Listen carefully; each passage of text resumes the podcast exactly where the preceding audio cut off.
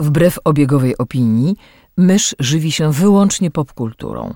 Jest zwierzęciem stadnym, które lubi dzielić się tym, co znajdzie ze światem. Jej naturalnym sposobem komunikacji jest przerywany śmiechem słowotok. Słuchacie podcastu Myszmasz.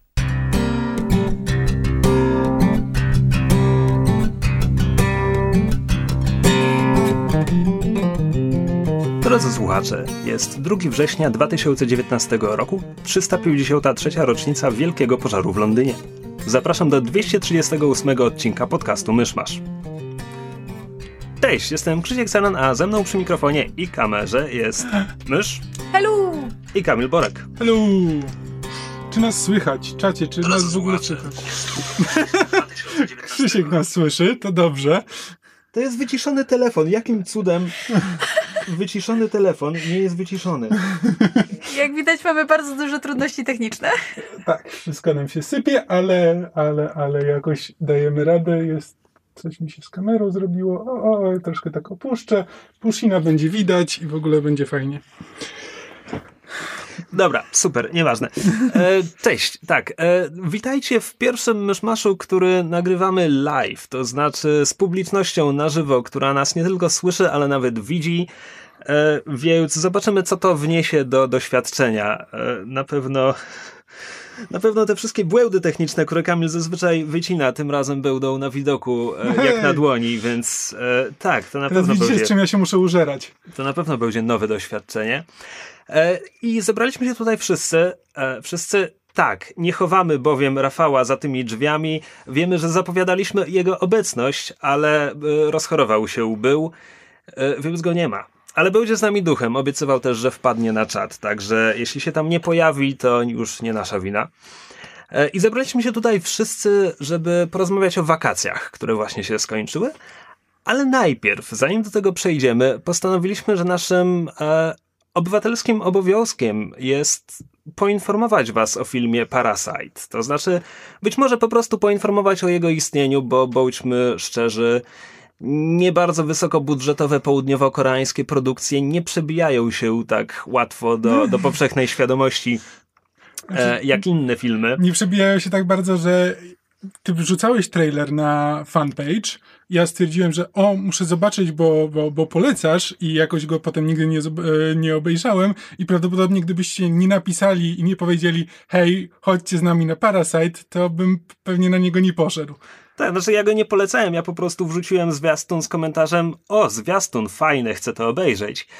E, I, I cieszę się, że, że miałem nosa i, i faktycznie było to fajne, więc stwierdziliśmy, że pomimo wcześniej wymyślonego tematu dla tego odcinka, koniecznie musimy wam powiedzieć parę słów o, o filmie Parasite, bezspoilerowo, ponieważ jego, nominalnie jego polska premiera ma miejsce 20 września, ale jakoś tak się składa, że w Warszawie chyba od dwóch tygodni codziennie jest seans albo dwa i to, i to nawet nie tylko w małych kinach studyjnych, bo nawet w multikinie. Więc jeśli w warszawskich multikinach można obejrzeć Parasite, to, to może i nie tylko, i, i może ogólnie już wszędzie w kraju można go zobaczyć. Tego nie wiem. Y, Jeśli po 20 września będzie w większej liczbie kin, no to wtedy tym bardziej się, się wybierzcie. A czemu właściwie? E, Parasite to jest e, film reżysera Bong Joon-ho. Nie podejmę się odmiany, ani nie będę się upierał, że poprawnie wymówiłem to imię i nazwisko. E, To jest twórca Ogdży. Filmu Ogdża. Nie wiem, czy to się odmienia. Mm, A on nie zrobił też Snowpiercera? On zrobił też Snowpiercer. A, no właśnie. no właśnie. Bardzo charakterystyczny reżyser. Skoro tak mówisz, nie widziałem Ogdży ani Snowpiercera. Znaczy, ja widziałem Snowpiercera, widziałem e, z pół godziny Ogdży, tylko jakby nie, nie dokończyłem oglądać. Ogdża jest specyficzna, ale tak, jakby ten reżyser ma swój styl. Nie, nie jest, może to nie jest taki, nie wiem, że Wes Anderson, że od razu widzisz, że to jest, że to jest konkretny twórca, ale jednak e, jest w tym konkretny charakter. No tak, ale po, po Ogdży i Snowpiercerze, które oba były w pewnym stopniu sci-fi, Snowpiercer pewnie trochę bardziej, z tego co wiem o tych filmach, a pan, pan reżyser zrobił film, który jest... Czym właściwie jest Parasite? Jakbyśmy to nazwali? Jest o Dramat? współczesnym, jest o współczesnym społeczeństwie. jest trochę dramatem, trochę komedią. Dramatem. Y, tak, pewnie na upartego tego moglibyśmy stwierdzić, że jest w nim odrobinę z thrillera. Hmm. Odrobinę. Niedużo, ale trochę się znajdzie. Jest to też film, o którym zdaje się, że sam reżyser prosił, żeby, żeby krytycy nie zdradzali zbyt wiele w recenzjach i tak dalej, co sugeruje jakiś ogromny twist. Ja się wręcz spodziewałem, że ja film. Zdziwiłem w ogóle, że e, spodziewałem się, cały czas się zastanawiałem, w którym momencie przyjdzie ten wielki zwrot akcji. Tak, ja się wręcz spodziewałem, że, że film w pewnym momencie zmieni gatunek, że nie wiem, wyskoczą kosmici albo duchy. E, to nie jest duży spoiler, chyba jeśli powiemy, że nie ma aż tak dużej zmiany, że nie ma aż tak dużego zaskoczenia. Natomiast tak, druga połowa filmu jest w trochę innym duchu, ma trochę inny wydźwięk niż pierwsza, natomiast jest to bardzo płynna zmiana. To nie jest tak, że nagle dostajesz w twarz jakimś zwrotem akcji i zastanawiasz się, czy wciąż oglądasz ten sam film. Absolutnie nie. To, to po prostu płynie ze sceny na scenę. E, a sama historia dotyczy e, czworoosobowej rodziny. Rodzice, dorosły syn, dorosła córka, którzy są bezrobotni, klepią biedę i wykorzystują okazję, kiedy znajomy syna z wojska oferuje, że on wyjeżdża na stypendium, więc zaoferuje, że zarekomenduje go rodzinie, której daje korepetycję. Znaczy, daje, korepetycję nastoletniej córce bardzo bogatych rodziców. E, i poleci tam naszego bohatera. E, nasz bohater, co prawda, nie ukończył żadnej szkoły, właściwie to nie dostał się na studia, e, ale to nie problem, bo jego siostra umie w Photoshopa, więc podrobi mu dokumenty. Więc zaczyna się od takiego drobnego oszustwa, na które wszyscy jakby widzowie przymykamy oko, no bo sympatyzujemy z głównym bohaterem, z jego sytuacją. I on zostaje tam zaakceptowany, absolutnie odnajduje się w tym bogatym domu, robi dobre wrażenie na, na pani domu i zaraz potem wprowadza tam swoją siostrę, nie przedstawiając jej jako swojej siostry, jako nauczycielkę plastyki dla, dla e, młodego synka. Czy, czy, czy, też bardziej terapeutyki sztuką, bo to no właśnie, bo tu, ewoluuje. Bo, tutaj nagle te przekręty zaczynają się bardzo spiętrzać już w tym, już w tej drugiej scenie, już w tym drugim momencie, kiedy okej, okay, on oczywiście nie przedstawia jako własnej siostry, no bo to byłoby takie dziwne, że próbuje wepchnąć rodzinę, więc to jest tylko znajoma znajomego, ja jej właściwie nie znam, a zaraz potem okazuje się, że jego siostra się świetnie odnajduje nie tylko jako ta cudzysłów nauczycielka plastyki, ale też jako ta oszustka, która tam od razu e, wykorzystuje okazję, żeby wkręcić tę matkę, żeby zasugerować jej, że jej syn ma problemy i że ona będzie mu prowadzić terapię sztuką. Tak, oni po prostu są dobrzy w takim znajdywaniu czułych punktów i e, to, to, się robi takie na, nawarstwia się te, te, te, ich oszustwa się po prostu nawarstwiają i I z tego wynika dużo rzeczy, bo jedno, nie chcę za dużo, nie chcę za dużo spoilować, no bo... Tak, tak, myślę, że jeśli chodzi o streszczenie fabuły, to, to w tym momencie to urwiemy. Po prostu te oszustwa eskalują. Tak. I sytuacja w pewien sposób też zaczyna eskalować, a jednocześnie film jakby zaprasza nas do, do zadawania pytań, kto tak naprawdę jest tu ofiarą, e, kto jest tym tytułowym pasożytem i, i tak dalej, i tak dalej. Tyle jeśli chodzi o fabułę. Znaczy to jest w ogóle, że to co mówiłeś o zmianie gatunków, to jest jakby, nie wiem, może aktywuje swojego wewnętrznego pisule trochę, ale że to jest taki, e, że to jest taki, taki prawdziwe żyćko, że, że życie nie ma e, gatunków, nie jest komedią, nie jest dramatem, nie jest tragedią, nie jest horrorem, nie jest thrillerem, ma trochę, ma trochę w sobie wszystkiego i to jest takie, takie prawdziwe życie i ja to lubię. Rozumiem. Wszyscy chcielibyśmy być po trochu Radkiem. O Jezu, każdy by chciał być Radkiem. Jeśli możecie być Radkiem, to bądźcie Radkiem. Chyba, że możecie być Batmanem. Wtedy bądźcie Batradkiem. Aha, dobra. E, w każdym razie e, tyle, tyle fabuła. Natomiast trzeba też wspomnieć, że e, to jest wszystko świetnie napisane. To znaczy, ten film ma fantastyczne tempo, zwłaszcza biorąc pod uwagę, że jest dość długi, bo on ma tam. Mm. Dwie godzinki. No, nawet Więcej. trochę ponad. Nie. A widzisz, tak płynął, że nie zauważyłeś. E, jest e, świetnie zagrany na tyle, na ile ja mogę oceniać koreańskich aktorów, bo zasadniczo jak nie rozumiem, co, co człowiek do mnie mówi, to tak trochę mam wtedy problem z, ocen- z odbiorem gry aktorskiej, ale, mm. no, ale no jakby, pasowali mi wszyscy. Tak, nie, ale widać, no nawet, no tak, jak, jak ktoś mówi, to ja nie wiem, czy czy on to mówi, czy mówi. E, tego nie jestem w stanie stwierdzić, ale jakby samo zmowy ciała i tak dalej, e, no to przynajmniej tyle można powiedzieć i to autentycznie ci ludzie jakby sprawiają wrażenie tych postaci, które grają. Jakby do, do, dokładnie widzę ten typ człowieka, ten typ charakteru w tym, jak oni się zachowują. Tak, ja byłem też zachwycony zdjęciami, które są po prostu są plastycznie ładne, ale też bardzo ładnie budują te, te narracje. Oczywiście mamy tu to ten prosty kontrast pomiędzy tym biednym otoczeniem głównych bohaterów, a tym bogatym domem i to jak, jak bardzo tutaj jest, jedno wygląda biednie, drugie wygląda bogato i tak dalej.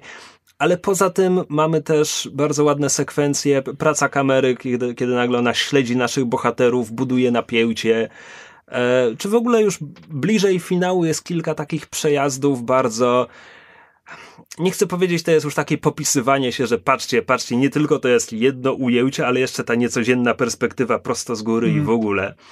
E, więc to, to są już takie rzeczy, które są skomplikowane technicznie i, i wychodzą bardzo dobrze, tak. a jeszcze czemuś służą w narracji całego filmu. Tak, nawet jakby w tych samych, w samych zdjęciach, to jak one są nakręcone, to właśnie tak jak mówię, widzimy, że te bogate, ta bogata dzielnica jest bardzo ładna i tak dalej, biedna, biedna jest typowo biedna, wszędzie są kable i tak dalej, ale też jest, jakby te bogate są dosyć, te, ta bogata dzielnica jest dosyć sterylna, tam jakby dominuje, dominuje szarość, tam trochę brunatnych kolorów, ale to wszystko jest dosyć sterylne. Z kolei te biedne są kolorowe yy, i dużo się tam dzieje.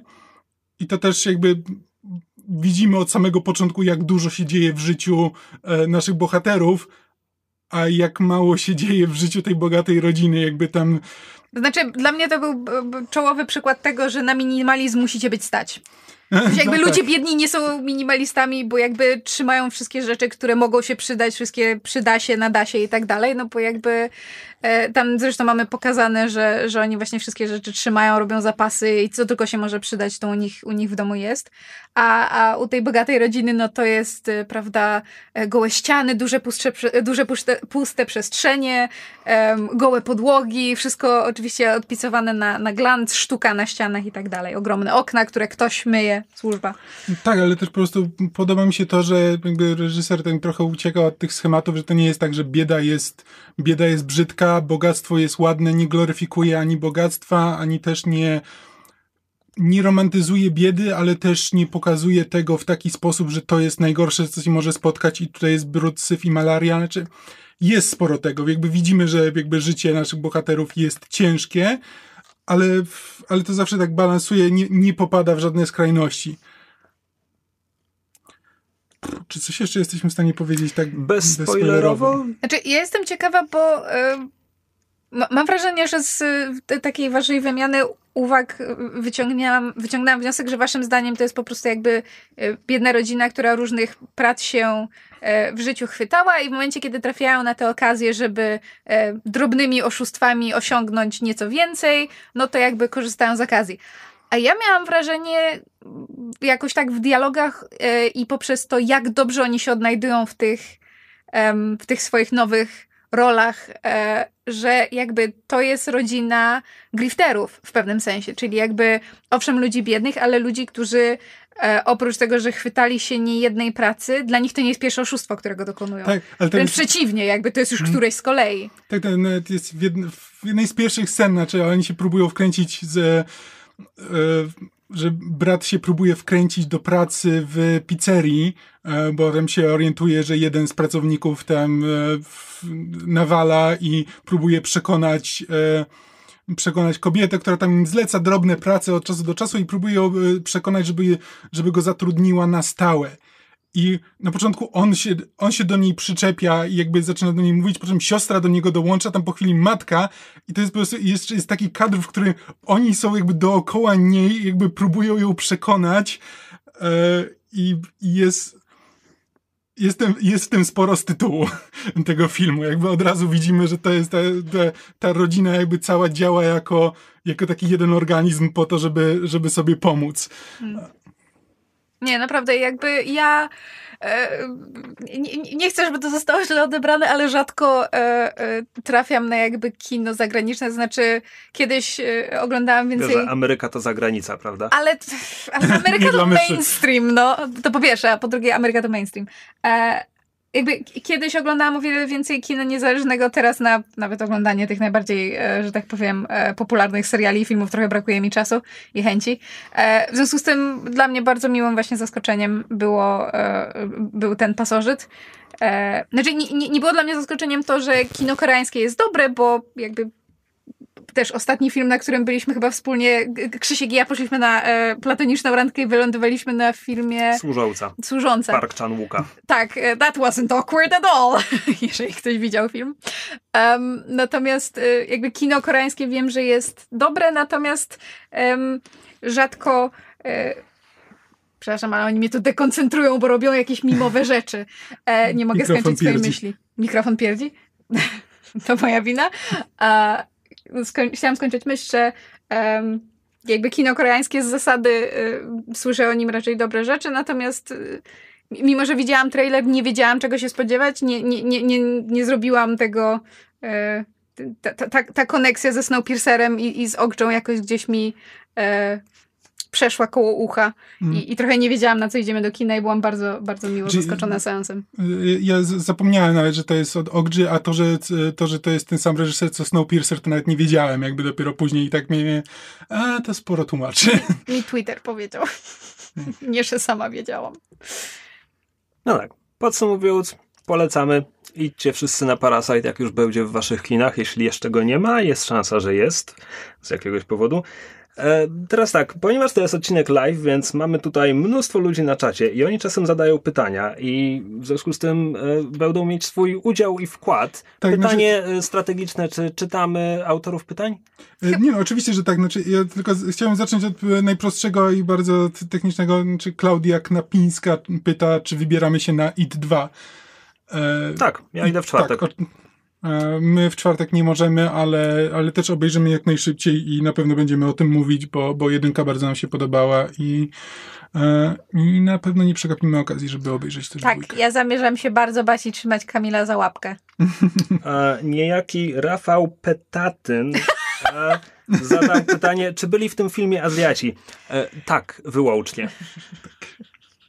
W przeciwieństwie do Firefly'a. I w ogóle, cześć Ociu. No i cześć, Alex. Mm. E, to co, wakacje? Znaczy, wakacje to już się skończyły niestety. Chyba, ła, że jesteś ła, studentem. Ła. Nie, już od dawna nie. Będziesz studentką. Dzięki Bogom. Ha, ha, ha. Tak. Um, wakacje dla e, tych z naszych widzów i słuchaczy, którzy e, chodzą jeszcze do szkoły, się niestety były skończyły. Dzisiaj jest pierwszy, pierwszy dzień roku szkolnego. E, więc e, z tej okazji chcieliśmy Was trochę podręczyć. przypomnieć e, czasy, które właśnie były minęły e, i porozmawiać sobie trochę o tematyce wakacji w e, szeroko pojętej popkulturze. Zobaczymy, jakie tytuły nam, nam przyjdą do głowy. Bo czy, czy chcemy zacząć najpierw e, tak bardzo szeroko od e, jakby filmów i seriali, w których motyw e, wakacji, czy właśnie takich wakacyjnych wyjazdów się przewija, czy najpierw na przykład chcemy bardziej tak osobiście, personalnie powiedzieć o... Czym dla nas są wakacje? Tak, czym dla nas są wakacje i na przykład z jakimi dziełami kultury nam się kojarzą wakacje. Koniecznie. Myszu, czym dla ciebie są wakacje? A, wakacje. Od wielu lat nie mam wakacji, nie wiem czym są wakacje. Lipiec i sierpień to po prostu gorące miesiące w roku. Wakacje nie istnieją. Wakacje to uda, to miraż, to Fata Morgana. E, w, tym momencie autentycznie wakacje są wtedy, kiedy człowiek weźmie urlop od pracy, bo tak działa freelancing. E, zakładam, że póki nie dochowamy się, się dzieci, które nie pójdą do, e, nie, nie trafią do systemu szkolnego i będziemy żyli według ich e, grafiku, to, to, to tak to będzie dalej trwało. E, natomiast dla mnie wakacje bardzo się kojarzą przede wszystkim z różnego rodzaju obozami, na które e, wyjeżdżam mniej lub bardziej regularnie, głównie językowymi. E, zresztą nasz, nasz grupowy ostatni wyjazd na, na żagle bardzo, bardzo mi te okoliczności, że tak powiem, przyrody i nie tylko przypomniał, bo parę razy byłam właśnie na obozach żeglarskich. I na przykład z jakiegoś powodu przez kilka lat z rzędu wakacje, jak jeździłam na te obozy, czytałam Drakulę. To była taka tradycja od pewnego momentu. Um, zresztą bardzo, bardzo Drakulę lubię. E, więc ja tak, na wakacjach bardzo dużo czytałam, przede wszystkim dużo e, kryminałów. Robiłam sobie e, maratony na przykład Agaty Christie. Właśnie Drakulę czytałam. Sapkowskiego powtarzałam rok w rok. czy, czy masz właśnie tak, że na wakacje wybierasz inne lektury niż nie na wakacje? Wydawało mi się kiedyś, że tak. To znaczy, jakby miałam wrażenie, że właśnie w wakacje czytam e, jakby takie. no, Nie chcę powiedzieć lżejsze kryminały, ale jakby takie właśnie klasyczne kryminały typu, nie wiem, Agatha Christie, Conan Doyle.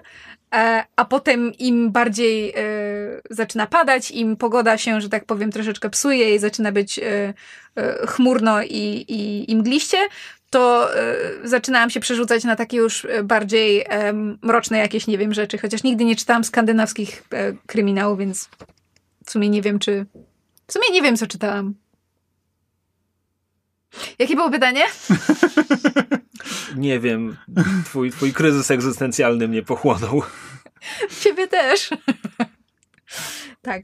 E, ale na przykład nie mam jakichś takich bardzo silnych, przynajmniej w tym momencie nie przychodzą mi do głowy żadne silne skojarzenia, na przykład, nie wiem, z, z filmami, czy z serialami, czy z jakimiś takimi dziełami popkultury, popkultury e, audiowizualnymi, nazwijmy to, e, które by mi się z wakacjami kojarzyły. Chyba właśnie dlatego, że w momencie, kiedy jeszcze y, byłam w polskim systemie edukacji i, i przychodziły te wakacje, no to na te wakacje się gdzieś wyjeżdżało, a jeżeli się wyjeżdżało, no to zazwyczaj w czasach mojej młodości jeszcze nie było takich rzeczy jak internet i laptopy i e, oglądanie filmów zgranych z Netflixa na komórce, jak to teraz można, e, więc raczej właśnie było odpępnienie się od... E, że tak powiem, od komputera i od telewizora i właśnie bardzo dużo, bardzo dużo czytania. Ja mam jedno dziwne skojarzenie serialowe z wakacjami. Nie dlatego, że serial jest wakacyjny, tylko dlatego, że oglądałem go wyłącznie na wakacjach. E, ponieważ ja jak byłem mały, czyli tam do wczesnych lat nastoletnich, spełdzałem, nie wiem, trzy czwarte moich całych wakacji na działce u dziadków pod Warszawą. E, co oznaczało trochę przejście na dziadkowy tryb życia. Nie, że zacząłem wstawać z kurami, na tej działce nie było kur. E, natomiast jeśli chodzi o taką popkulturę, o Boże, w ogóle Wstawałeś z pszczołami. W ogóle to były czasy, to były na przykład czasy, gdzie ja już interesowałem się grami komputerowymi, ale nie miałem komputera, tym bardziej na działce u dziadków, w związku z czym mi się z wakacjami przede wszystkim kojarzy to, że się, jak z dziadkiem jeździłem rowerami do kiosku po prasę, tam dwa kilometry, trzy kilometry dalej, to e, namawiałem go, żeby kupił mi któryś z magazynów o grach komputerowych. I potem moje wakacje to było siedzenie na działce i czytanie w świecie gier komputerowych recenzji, nie wiem, Jedi Knighta pierwszego. O Jezus Maria, przypomniałeś mi jedne takie wakacje, gdzie byłam na, e, na wyjeździe z tatą i z moją ciocią, która jest tylko parę lat ode mnie starsza. I jeździliśmy do pobliskiej stadniny na konie, ale codziennie też żeśmy jeździli na obiad do pobliskiego miasta. I pamiętam, że kupowaliśmy wszystkie możliwe gazetki właśnie jakby rozrywkowe, żeby je czytać. I jedną z nich, którą czytałam namiętnie w tamtym czasie był Detektyw. Okej. Najwyraźniej ta, taka, te, te, ten motyw y, kryminalny gdzieś w tych wakacjach się przewijał. Znaczy, zmierzałem do tego, że jakby, więc miałem swoje magazyny o grach komputerowych, oczywiście miałem jakieś swoje książki, no bo ja jakby zawsze miałem książkę. E, Natomiast jeśli chodzi o filmy, seriale, to jakby przełączałem się na tryb, oglądając z dziadkami to, co oglądali dziadkowie, chyba, że było to coś wyjątkowo nudnego, wtedy szedłem się przejść po lesie. Moda na sukces. E, ale jakby, wiesz, Teleekspres, wiadomości, cokolwiek jedynka albo dwójka nadawała wieczorem, jeśli chodzi o film, bo zasadniczo tylko te dwa kanały odbierały, potem trochę Polsat. Natomiast jedyna rzecz, którą oglądałem sam, bez dziadków, dla siebie w te wakacje, to było nadawane w wczesnej przedpołudniowej porze um, serial Ziemia Ostatnie Starcie. To jest serial nominalnie y, stworzony przez Gina Roddenberry'ego, w praktyce stworzony na podstawie jakichś jego zapisków, ten, już po jego śmierci chyba. E, Serial science fiction opowiadający o Ziemi, na którą przylecieli kosmici, są ambasady kosmitów na Ziemi i podzielili się swoją technologią i wszystko jest super. Tylko oczywiście nie wszyscy im ufają i za zastanawiają się, czy oni naprawdę są tacy altruistyczni. I potem oczywiście okazuje się, że no nie są do końca altruistyczni, ale też niektórzy z nich są dobrzy, a niektórzy to są bardzo, bardzo źli. I potem się okazuje, że oni uciekli przed innymi kosmitami i chcą włączyć kosmitów, przepraszam, chcą włączyć ludzi w swoją wojnę. To jest dość absurdalne, bo 20 lat potem e, był serial z Joshem Hollowayem pod tytułem Colony, który jest grimdarkowym, nie chcę powiedzieć, że rebootem, ale opiera się na dokładnie tym samym pomyśle, tylko że jest dużo, dużo, dużo bardziej mroczny i posełpny. Więc tak, e, jeśli chodzi o moje wakacyjne, jakby wakacyjną popkulturę, Ziemia Ostatnie Starcie absolutnie kojarzy mi się z wakacjami tylko i wyłącznie dlatego, że oglądałem ją e, w letnie miesiące na działce u dziadków. To ja nie wiem, nie mam żadnych konkretnych skojarzeń z wakacjami, głównie chyba dlatego, że ja jak byłem mały, to byłem takim strasznym piwniczakiem i dla mnie wakacje to był ten moment, kiedy rodzice mnie chcieli ciągle zabierać, że to z jednej strony to był ten moment, kiedy o, już nie ma szkoły, więc mogę sobie siedzieć w domu, grać na komputerze albo coś oglądać i tak dalej, ale to jest też ten moment, w którym rodzice próbują mnie gdzieś ten, za, zaciągnąć na jakiś wyjazd czy gdzieś. Um, I zazwyczaj te wyjazdy potem mi się podobały, ale to jest zawsze miałem takie takie dziwne podejście do tego, że a, wolałbym zostać po prostu w Warszawie. E, I dopiero, to dopiero po latach mi się oczywiście zmieniło, jakby teraz, teraz lubię uciekać z miasta. E, ale też jest tak, że nawet teraz e, jakby wakacje, tak jak mysz mówiła, wakacje dla dorosłego człowieka to niewiele znaczą. Rafał napisał e, na czacie, że to jest ten moment, w którym e, korki w drodze do pracy są mniejsze. E, coś w tym jest. Tak, znaczy, coś w tym jest też, że ja zawsze lubiłem mieć wolne wtedy, kiedy inni nie mają. To trochę, znaczy, Najbardziej ci cieszę, kiedy inni nie mają, tak? To się, tak. to się jakoś nazywa, nie? Ja mogę nie mieć urlopu, by inni też nie mieli. E, nie, nie, chodzi właśnie o to, że ja lubię mieć urlop na przykład w ciągu tygodnia, nie w ten, e, nie w święto, e, czy nie w długi weekend, e, tylko w, lubię mieć wolne w zupełnie, zupełnie niezwiązany termin. E, trochę to wynika z tego, że ja też na wakacjach strasznie nie lubię tłumów. Znaczy, e, autentycznie jestem świadkiem, że jak my teraz byliśmy, byliśmy na wakacjach e, w Chorwacji, w pięknym miejscu, jak to się nazywało? Nie, nie. Wodospady Krka. A, Krka. Na rzece Przepraszam. I Gesundheit. Tam przy tych wodospadach są po prostu tłumy ludzi. Po prostu ogromne rzesze. Tak, że trzeba się przeciskać no. przez ludzi, żeby przejść momentami. E, I małe zgrupowanie. Obejrzyj sobie jakąś chińską atrakcję turystyczną, zobaczysz no, tłumy ludzi. Okej, okay, spoko, ale po prostu to był taki moment, gdzie ja niby jestem w naturze, niby jest pięknie wszędzie, a ja miałem niemal po prostu atak, e, atak paniki w tym, e, w tym miejscu, więc ja po prostu lubię jak ludzie są daleko ode mnie. I stąd też prawda. Dobrze, okej, okay, zrozumiałem. Aluzję panią. E, ale nie, ale to zawsze z tego wynikało, że jakieś tak wakacje. Wakacje były spoko, ale. Nie chcę mówić, że to nie był ten moment, na którego wyczekiwałem w ciągu roku, no bo wiadomo, szkoła się kończyła, więc jakby więcej czasu dla siebie i tak dalej, więc zawsze wakacje były fajne ale mam wrażenie jakby szczególnie z perspektywy czasu, że jakby nie wykorzystywałem tych wakacji na, tak, jak powinienem. To ja z kolei tak miałam znaczy, ponieważ mnie też rodzice, kiedy, kiedy jeszcze byłam mała, to mnie wozili. Też było parę takich lat, gdzie jeździliśmy po całej Europie, e, a potem z kolei po całej Polsce kilka, kilka lat z rzędu. I przyszedł taki moment, kiedy wreszcie jak przychodziły wakacje, to mogłam sama decydować o tym, co robię. I autentycznie ja też byłam takim no-life'em, który po prostu jak przychodziły te wakacje, już mogłam sama decydować o sobie, to całe po prostu wakacje spędzałam przy komputerze, mm. oglądając y, już właśnie wtedy seriale czy, czy, czy filmy.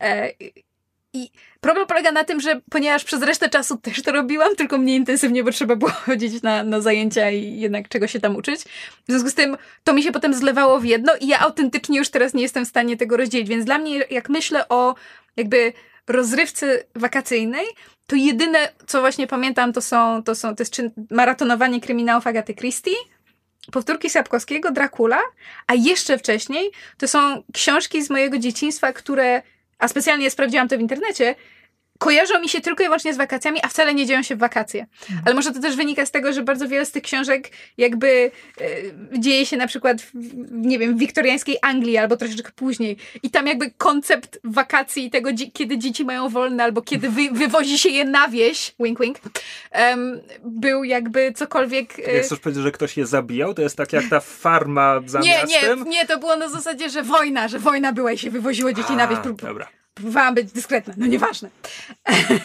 nie, to nie jest wywożenie dzieci na farmę. E, w każdym razie e, tam rzeczywiście jakby koncept tego, kiedy dzieci były na wsi i kiedy miały te swoje jakieś tam przygody z dala od dorosłych, niekoniecznie był związany z tym, co my byśmy rozumieli jako wakacje. Ale tutaj jako przykłady e, przychodzą mi do, głowy na przykład dzieci z Bullerbyn, które przecież dzieją się jakby chyba, w, jakby fabuła książki dzieje się w ciągu całego roku, więc mamy i jakby wakacje z dzieci i potem, kiedy one wracają do mhm. szkoły. Tak samo mi się kojarzą na przykład um, seria Mary Poppins, P.L. Travers, w sensie książek e, o, o, o Mary Poppins i, i rodzeństwie Banksów.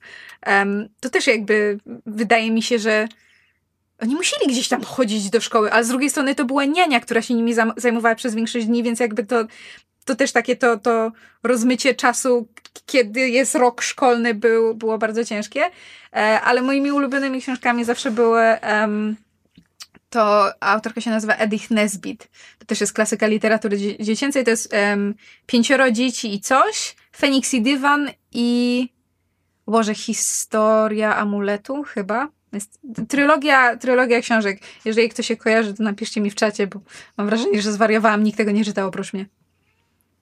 Ja mam jeszcze książki. jedno takie. Przepraszam. Proszę bardzo. Myślałem, że skończyłaś. Nie. Teraz skończyłaś? Nie. No dobrze. To, to nie wtrącam ci się. To, to, to my sobie posiedzimy po cichu, a ty nam powiedz, kiedy skończyłaś. MMM. E, mam jeszcze jedno takie wspomnienie wakacyjne, przecięcie wakacji i, i konsumpcji kultury, to znaczy, e, jak mówiłem, ja zawsze miałem książkę, to znaczy, jak byłem mały, czytałem zawsze i wszędzie, i jak rodzice wyciągali mnie na żagle na Mazury, to ja siedziałem pod pokładem i czytałem książkę, bo książka co tam, jakieś żagle, woda i tak dalej. E, więc teraz to się zmieniło. Teraz na przykład byliśmy w Chorwacji, więc e, miałem Kindle i tysiące książek, ale czytałem go na pokładzie. E... tak, to była cudowna scena w pewnym momencie, kiedy w 8 osób plus e, nasz sternik siedzimy na jachcie płynącym przez e, morze od jednego wybrzeża Chorwacji do drugiego i oprócz sternika wszyscy siedzą z nosem w Kindlu. Wszyscy. Ale to nie jest tak, że byliśmy ślepi na otaczający nas świat. Kiedy przypłynęły delfiny, wszyscy podnieśliśmy nosy z nad Kindle i patrzyliśmy na delfiny. Tak. Pół minuty później zniknęły i wróciliśmy do czytania. W każdym razie... E, tak więc zmierzałem do tego, że oczywiście zawsze miałem ze sobą książki. Przed luksusem czytnika to były fizyczne stosik książek, parę kilo się brało na wakacje i w ogóle.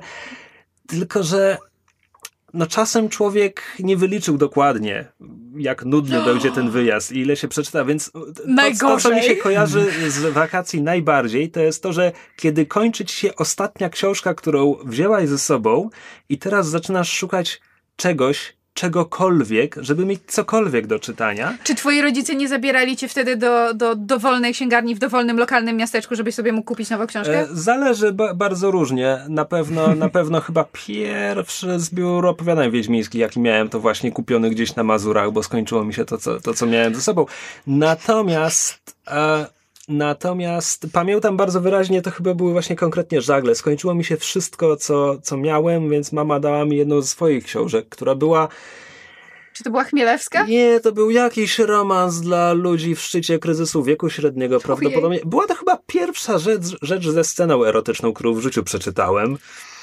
Um, jakiś lekarz zakochuje się w swojej przyjaciółce i, i potem w końcu są ze sobą razem. To, widzisz, ja z kolei... Jak... Musiałem coś czytać. No, były słowa na papierze, dali mi je, przeczytałem. Ja zaraz do tego nawiążę. Znaczy, jak mi się kończyły książki, to właśnie też patrzyłem, co moja mama ma, ale moja mama czyta bardzo dużo e, thrillerów, szczególnie politycznych, e, więc jakbym teraz nią jeździł, to miałbym co od niej pożyczać. Jak byłem mały, to to mnie śmiertelnie nudziło, więc jakby w ogóle na to nie patrzyłem. Prawdopodobnie wolałbym przeczytać jakiś, jakieś romansidło niż, e, niż thriller jakiś.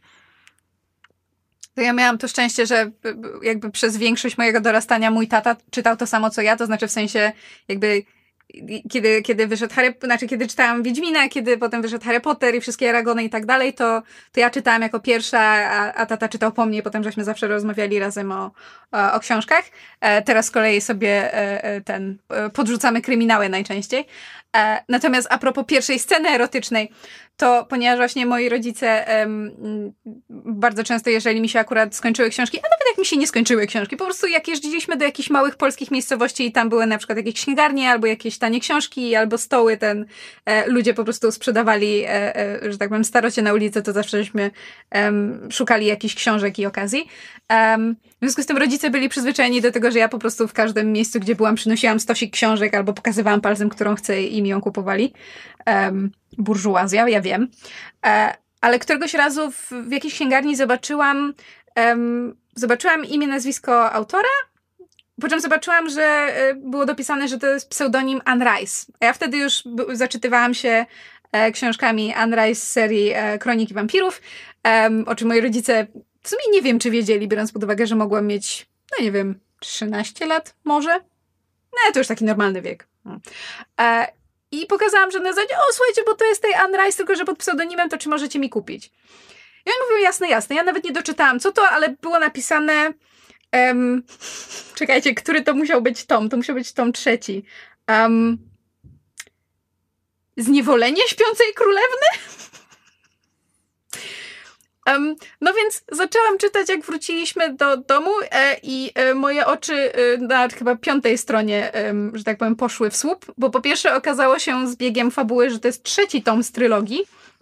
I owszem, jest to Śpiącej Królewnie, co jakby dla mnie jako fanki retellingów było bardzo, że tak powiem, miłe, natomiast okazało się, że to jest hardcore porno, która Anna jest napisała pod pseudonimem.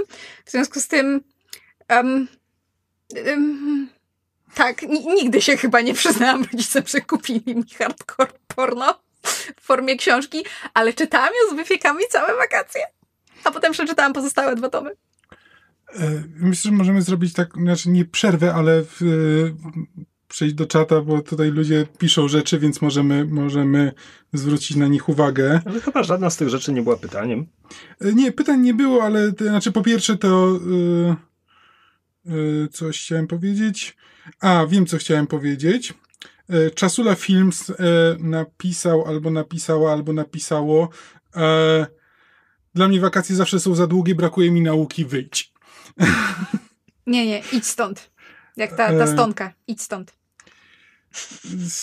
Ale nie, nie, tak poza tym do dzieci uczcie się, szkoła jest fajna, wakacje nie są tak fajne, uczcie się, może nie nie wiem jak mam do tego podejść.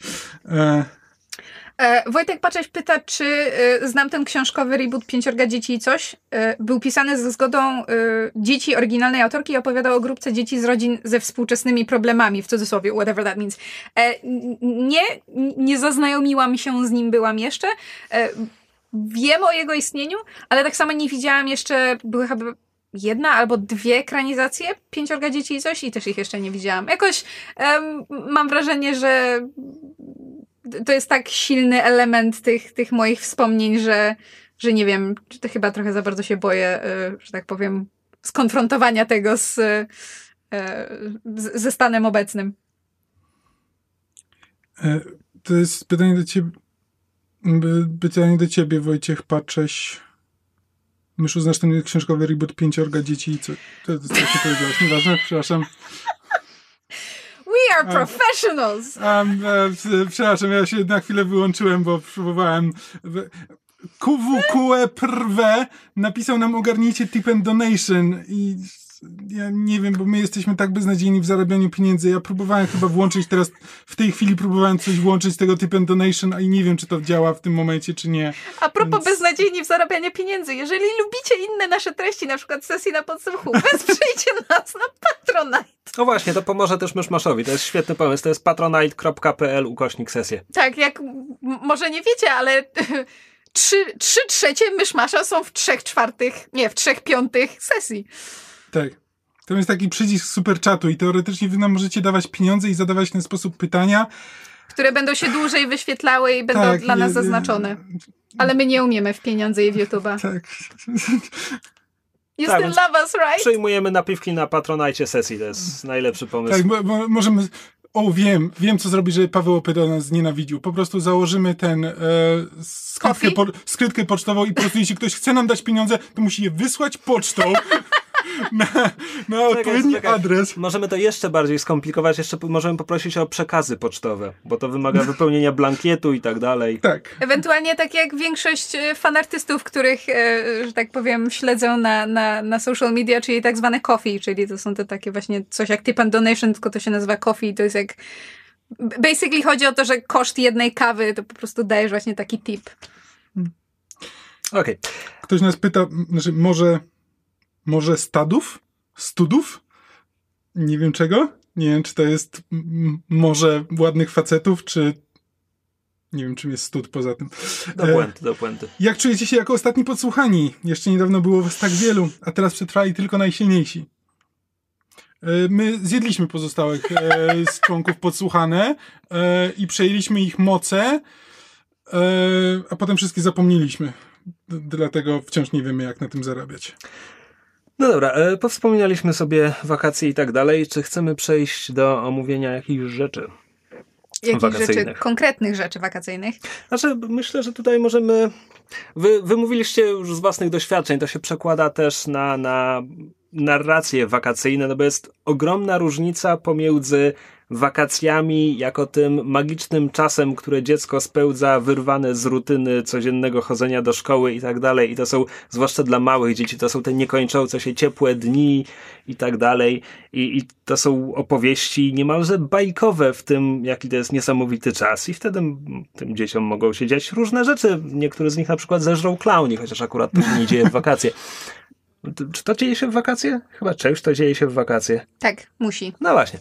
A, a z drugiej strony mamy te zupełnie inne historie o tym, jak dorośli mają urlop, czyli mają te wakacje, gdzie mogą się wyrwać ze swojej owszem rutyny, ale najczęściej spotyka się z to masą innych frustracji urlopowych, jeśli mamy do czynienia z komedią, albo ich też może zeżreć clown, bo umówmy się, że te wszystkie hostele i inne takie e, niskobudżetowe horrory, one też dotyczą ludzi, którzy wyjechali na wakacje, tylko nigdy z nich nie, nie wrócili.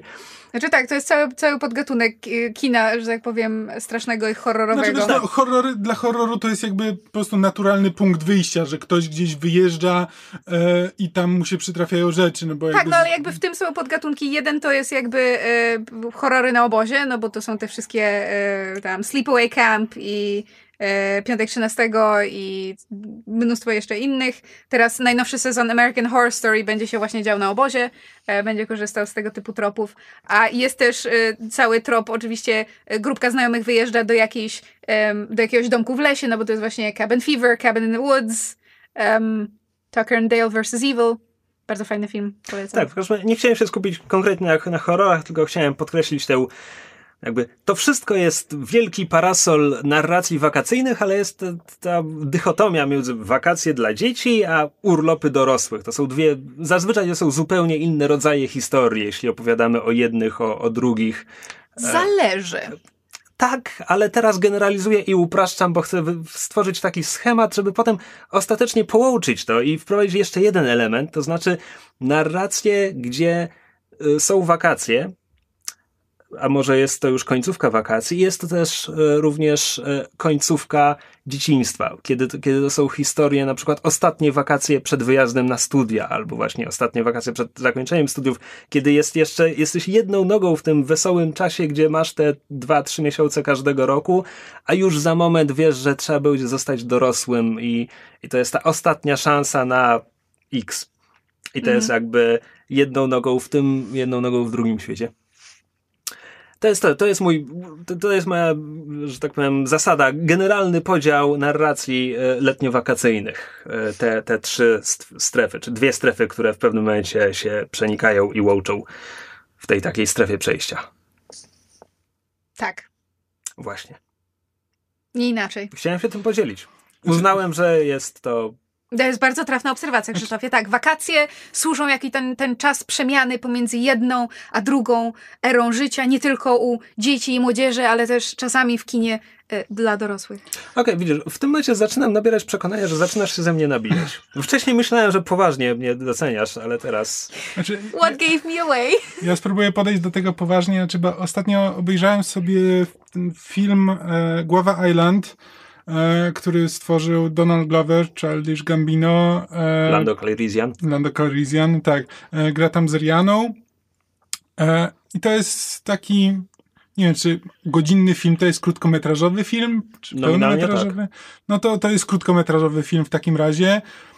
O, on nie jest nominalnie o wakacjach, ale ewidentnie to jest taki jakby film wakacyjny, bo jakby cała ta głowa Island to ma taką e, narrację niby jako bajka, ta głowa Island jest przedstawione jako miejsce, które trochę, trochę mityczne. Ono jest w naszym świecie, bo jest nawet mowa o Ameryce, jakby o Stanach e, Zjednoczonych, jakby o wpływie na, na świat, więc ono istnieje w naszym świecie, ale, e, ale zaczyna się od jakby całej, e, cały film się zaczyna od mitycznego przedstawienia początków tej wyspy.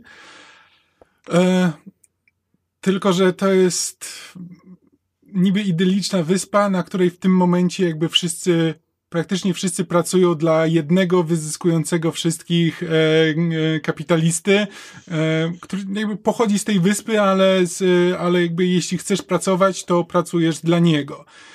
I to jest taka dosyć prosta historyjka po prostu o chłopaku, który chce grać, chce być muzykiem i jakby ludzie, ludzie go bardzo lubią i ale stanowi zagrożenie dla status quo i e, bo jeśli ludzie pójdą na jego koncert, to następnego dnia nie będą w stanie pójść do pracy, więc e, e, więc zły kapitalista Red chyba próbuje próbuje go powstrzymać przed tym, żeby żeby nie grał tego koncertu. Jakby film jest dosyć prosty, jakby wykorzystuje, e, wykorzystuje tam muzykę e, Glovera e, po części, ale właśnie nie wiem, mam wrażenie, że tego typu historie o tym, że jakie to wakacje są fajnym i magicznym czasem, jakoś tak gdzieś się skończyły, jakby nie, nie wiem, być może to jest tylko subiektywne, jakby jestem gotów, że w tym momencie mnie zarzucicie, albo czat mnie zarzuci jakby tytułami rzeczy, które, które są w tym klimacie, że jakby wakacje to jest, to jest ten magiczny czas, ale mam wrażenie, że właśnie bardzo dużo jest takich rzeczy podszytych tym, że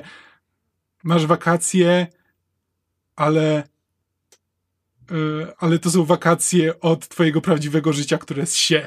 E, jakby jest tam takie zawsze ironiczne, ironiczne podszycie do tego, E, I nie wiem, czy to jest tylko takie moje wrażenie, że tak to teraz odbieramy, czy, czy nie. Czy rzeczywiście w latach 90. było pełno tego, tak po prostu optymistyczny nastrój, że hej, pobawmy się, a teraz wszyscy, hej, bawimy się, ale tak naprawdę bawiąc się uciekamy od i tutaj tego, tego Myślę, i tamtego. że mam proste rozwiązanie tej zagadki, to znaczy historie o dzieciach na wakacjach, dla których jest to magiczny świat, są głównie kierowane do dzieci, więc zapoznawałeś się z nimi jako dziecko i teraz ich nie szukasz. Wiesz co, no niby tak, no ale wiesz, no ale rzeczy, które tam kręcił Spielberg, czy właśnie, czy książki, a potem filmy na podstawie Kinga, no to jakby to były rzeczy, które są o dzieciach, ale niekoniecznie kierowane do dzieci, e, jakby nie tylko, więc no trafiały do jakiegoś, do ogólnej świadomości, więc nie było tak, że to było tylko jakaś tam nisza, którą my znaliśmy, bo byliśmy dziećmi, ale to bardzo dobrze ją znali też nasi rodzice, a po prostu w tym momencie nie kojarzę tego. Okej, okay, uważam, że się mylisz i czekam aż czat zarzuci cię przykładami. Okej, okay, bardzo chętnie. Nawet jeśli, jeśli są tego typu optymistyczne filmy, to też chętnie je obejrzę, więc jakby jeśli ktoś ma tytuły, to, to, to dawajcie w czacie, to ja chętnie sobie potem obejrzę. Znaczy, bo tutaj wspomniałeś o Kingu i, i mamy na myśli film, zakładam, Stand By Me. No, tak, no ale, no tak, no. Nie, bo po prostu um, chciałam wspomnieć o Stand By Me, bo to jest jakby taki czołowy, mam wrażenie, przykład właśnie filmu, który e, z jednej strony pokazuje magię wakacji, a z drugiej strony jest właśnie tym e, kwintesencją tego przechodzenia e, z, z, jednego, że tak powiem, okresu życia w drugi, tego dojrzewania, żeby nie powiedzieć starzenia się, bo dzieci się nie... Dzieci się starzeją? Dorośleją. Doroślenia. Um, tylko, że jest o tyle ciekawe, że jakby jeśli chodzi o tak, to się nazywa coming of age movies, um, których jest, jest całkiem sporo i to jest cała taka podkategoria um, nominalnie Boyhood byłoby takim coming of age dosłownie, no bo tam obserwujemy jakby e, losy tego chłopca od momentu, kiedy jest małym chłopcem do tego, kiedy jest, jest e, młodym mężczyzną. E, ale żeby było śmieszniej, wszyscy zawsze przy, przy okazji coming of age movies mówią o Stand By Me, e, a jest, ja to nazywam żeński ekwiwalent, to znaczy jest taki film, um, angielski tytuł jest Now and Then, e, polski jest Koniec Niewinności, który właśnie opowiada o grupce bodajże czterech dziewczynek, które podczas wakacji właśnie przeżywają różnego rodzaju przygody, mniej lub bardziej, że tak powiem, e, e, miłosne rozterki, te takie pierwsze, jakieś e, wzajemne animozje czy, czy sympatie. I to jest wszystko skontrastowane z tymi samymi postaciami, te tam kilkanaście, kilkadziesiąt lat później, kiedy one są dorosłe i się spotykają przy okazji e, nadchodzącego porodu jednej z nich, się spotykają po latach i jakby pewne, pewne rzeczy znowu, znowu wychodzą na jaw, pewne tematy powracają. I to jest bardzo fajnie przeplatane, bo w Stand By Me Teoretycznie mamy podobny zabieg, jeśli dobrze pamiętam, tam jakby cały czas obserwujemy naszych młodych bohaterów, ale klamrą narracyjną jest, są wspomnienia um, Jezu, postaci, którą grał Will Wheaton. Teraz oczywiście nie pamiętam. Gordon? Może się nazywa postać? Bardzo możliwe. W każdym razie jakby dorosłego e, e, pi pisarza, który we swoich wspomnieniach właśnie opisuje czasy, kiedy to był młody i, i, jak to wtedy było i wszystko było magiczne i perspektywy były przed nimi, świat był wielki i szeroki, nie wiedzieli co ich czeka.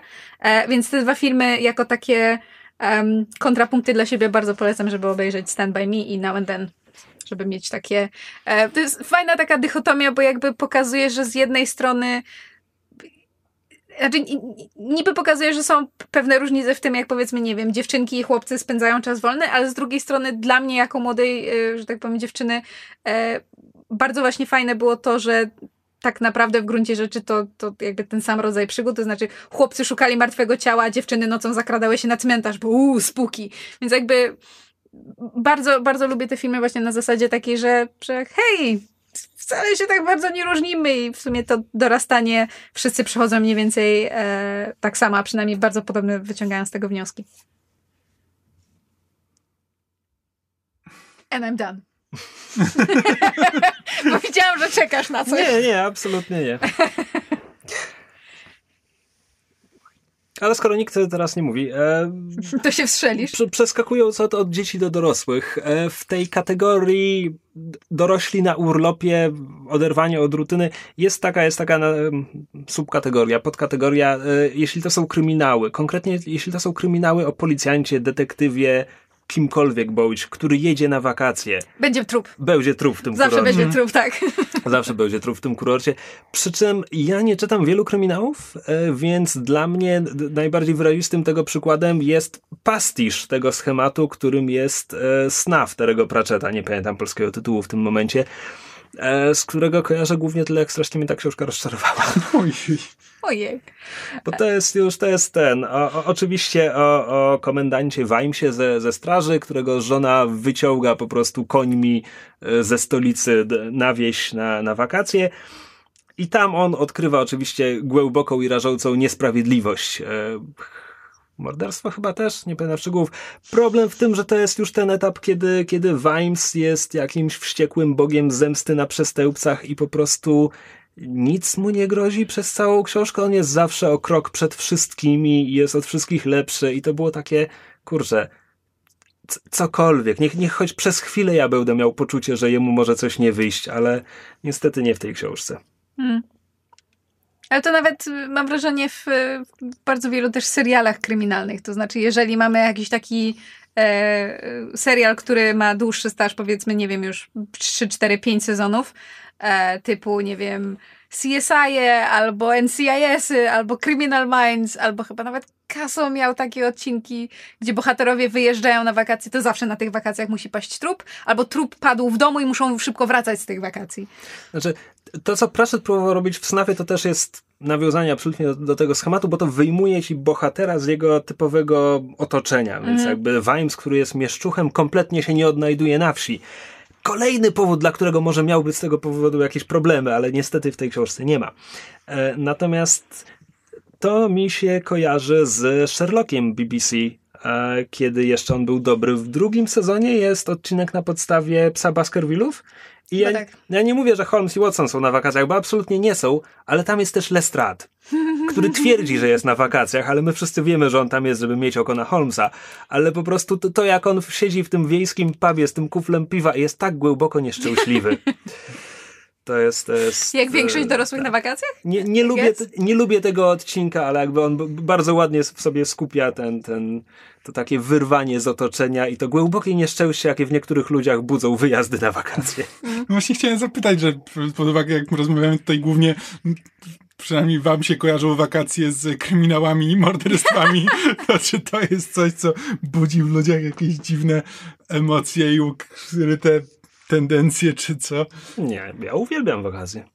Ja też, ale to Jeszcze jest, nikogo na nich nie zamordowałem. to jest chyba właśnie ten t- taki trochę jakiś dysonans pomiędzy tym, jak, jak wakacje postrzegaliśmy będąc młodsi, kiedy to był właśnie ten czas wolno od obowiązków, czas beztroski, a teraz, kiedy jakby, jeżeli sami sobie nie zorganizujemy wakacji i nie weźmiemy urlopu na ten czas, to tak naprawdę nie mamy wakacji. Ja bym się tutaj troszeczkę przychyliła może do tego, co Kamil mówił, to znaczy ja też mam być może mylne wrażenie, podkolorowane y, moimi doświadczeniami, że jednak y, kinematografia lat 90., y, zwłaszcza późnych i wczesnych 2000 była jakby, przynajmniej w moim odczuciu, bardziej jakaś taka, nie wiem, kolorowo optymistyczna. I też mam wrażenie, że więcej tego typu em, filmów powstawało. Z drugiej strony, jak, jak sobie sprawdzałam na przykład tytuły właśnie filmów, które, które dzieją się w wakacje, to jakby były, że tak powiem, co roku coś wychodzi, ale z, powiedzmy z różnych gatunków rzeczywiście bardzo dużo jest e, horrorów. Natomiast nawiązując troszeczkę do Lestrada, to e, jest cała taka, rzekłabym, kategoria właśnie filmów o, o, o, o dorosłych na wakacjach i bardzo często przechodzących właśnie jakiś taki kryzys pewnego wieku.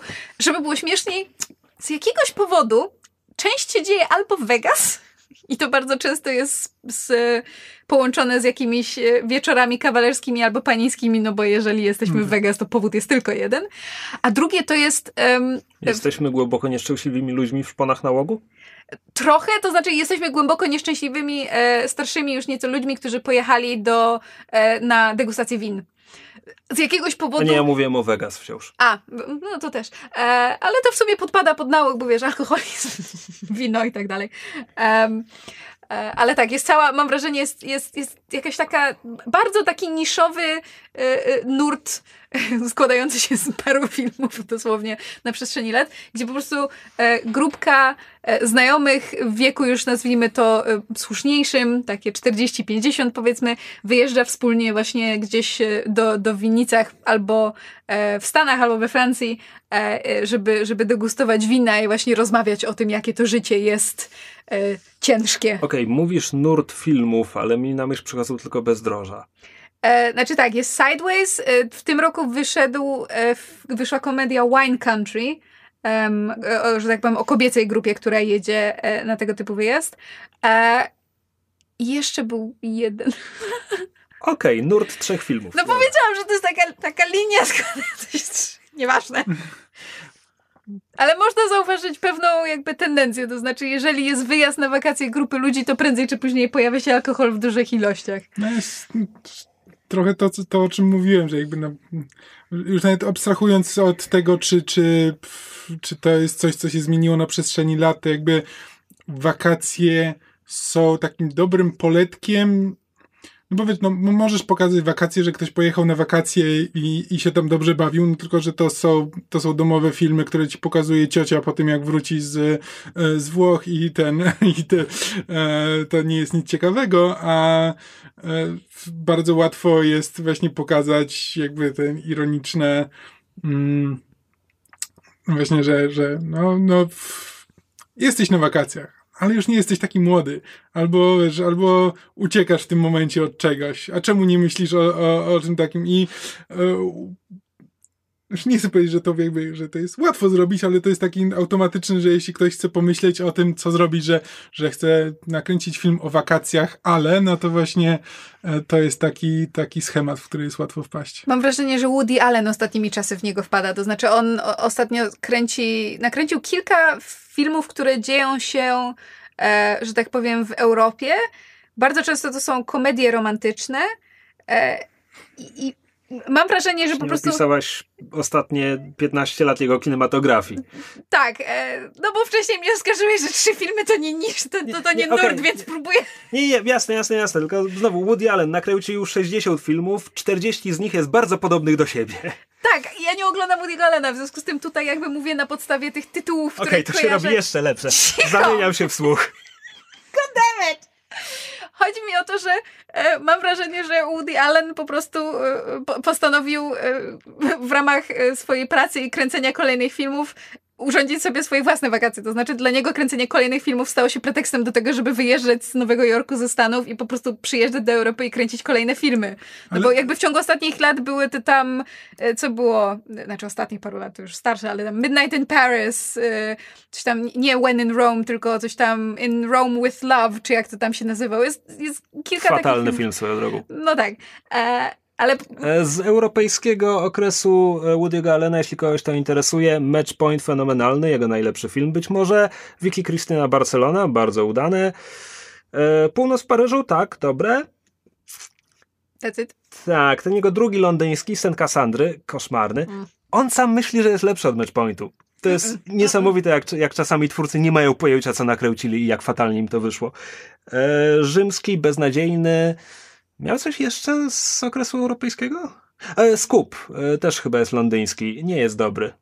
Ale nie jest tak koszmarny jak Sen Cassandry. Ale wiesz, to nam mówić, że, że dla, Woody, dla Woody'ego Allena jakby to jest pretekst, żeby wyjechać, ale sporo filmowców jakby e, spo, sporo filmów na tym się opiera, że, Znaczy- że, że to jest zasadniczo impreza, jakby tak się kręciło filmy w latach 80., tak się wciąż kręci filmy w Polsce e, i jakby nawet e, Oczywiście nikt, nikt nie może zapomnieć tych fantastycznych wakacji w dżungli, które e, Coppola sobie urządził. Tak, ale wiesz, e, ale Michael Bay jest podobno właśnie tego typu twórcą.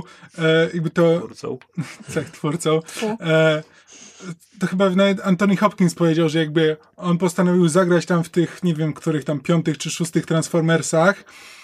E, Dobrze, Anthony Hopkins grał Tak. w Transformersach? Antony Hopkins Dobrze. zagrał Anthony w tych Transformersach, gdzie jest król Artur i Transformersy zabijają Hitlera? Chyba tak przeczytałem w E, internecie kiedyś. Być może. E, ale że zagrał tam dlatego, że John Torturo mu powiedział, że hej, wpadnij, fajnie będzie.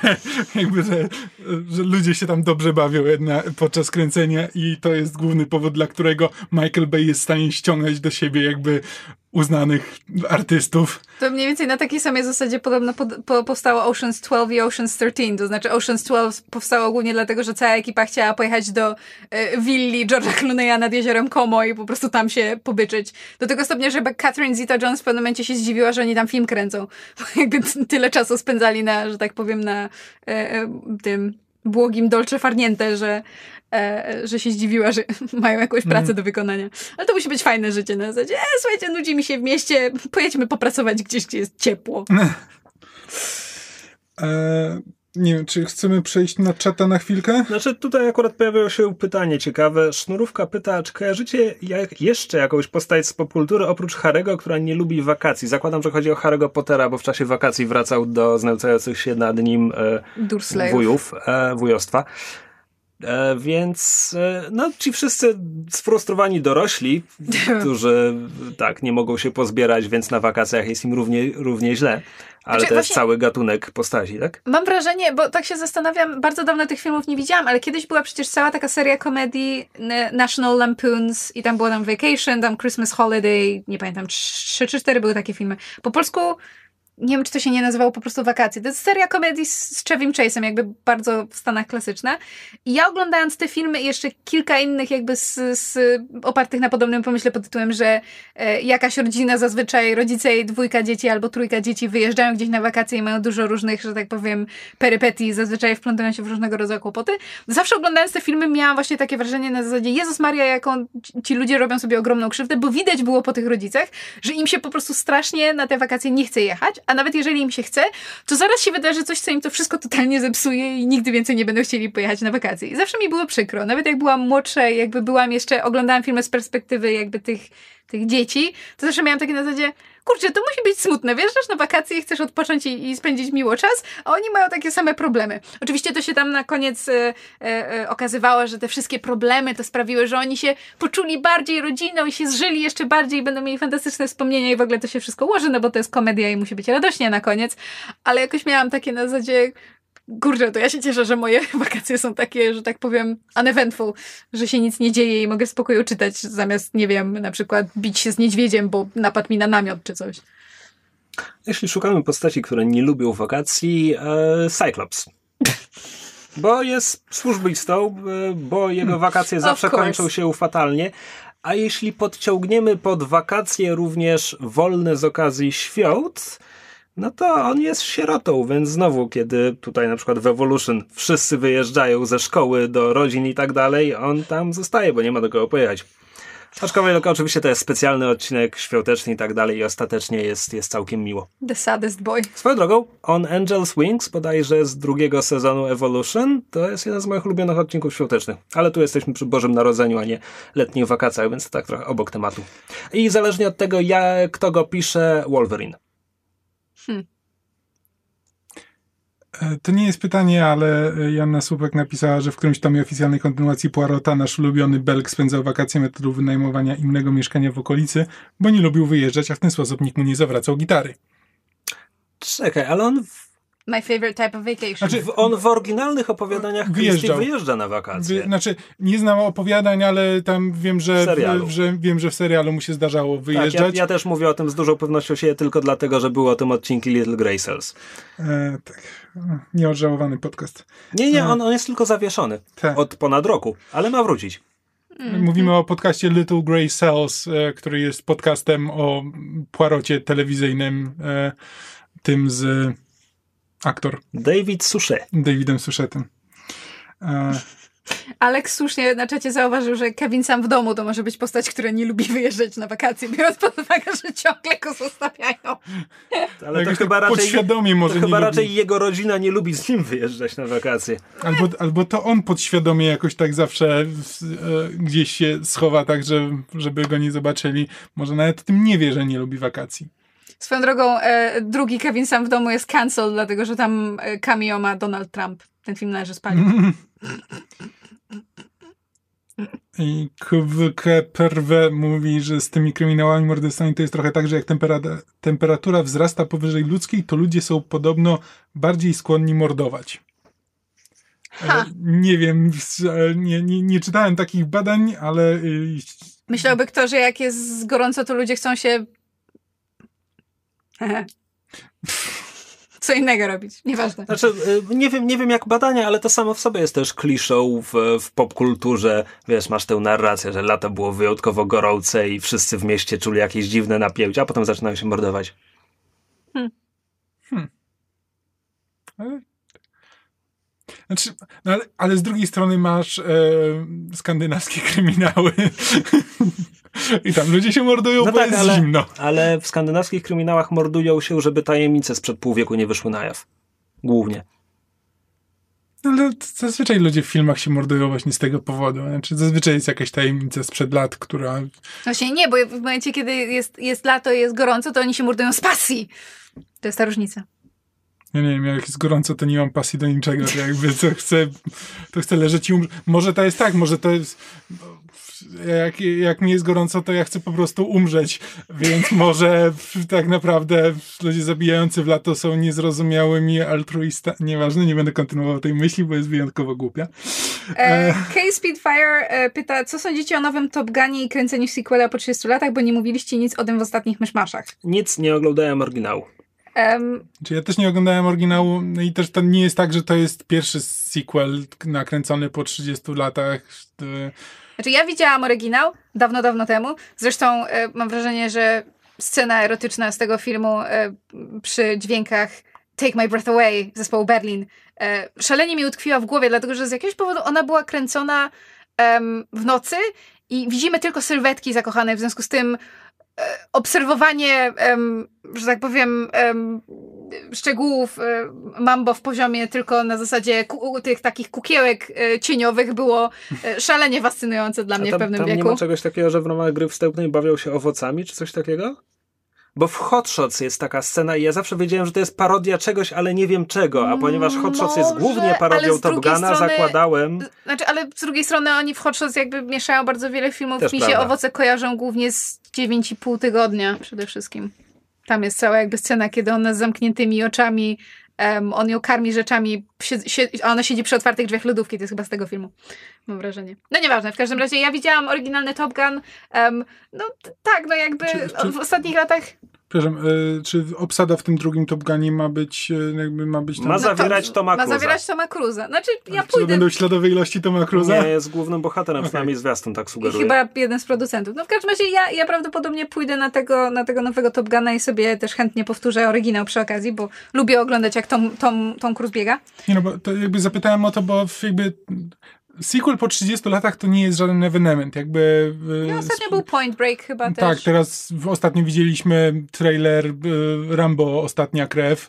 E, No to nie jest remake, Znaczy, no to jest tam niby no. tam, no ale nie wiem, no na przykład Creed albo Rocky, nawet cztery, jakby ten Rocky tak powraca co kilkanaście lat, jakby nie wiem, no może nie 30 lat, ale, ale jakby przywracanie do życia starych franczyz i robienie z tego, no rebooty już się trochę ograły, więc teraz ludzie robią sequele, które są rebootami. E, to, że, to, że rzeczywiście tam gra Tom Cruise, to, że to jest, to jest ta obsada po takim czasie, no to to jest w miarę niespotykane. No to, to jest ciężko nakręcić film, żeby po 30 latach jakby e, w, móc wziąć tych samych aktorów i jeszcze coś, coś ciekawego opowiedzieć e, w, ramach Czekamy tej- na Picarda. Znaczy, ja jakby o tyle jestem dobrej myśli, że no jakby jednym z takich e, czołowych przykładów filmów, do których e, twórca, do, do świata, którego twórca wrócił po latach i wyszło fenomenalnie, jest Mad Max Fury Road, który jakby jest przykładem na to, że, że tak powiem, doświadczony twórca może wrócić po latach do, do świata, który wykreował i nakręcić fenomenalny film.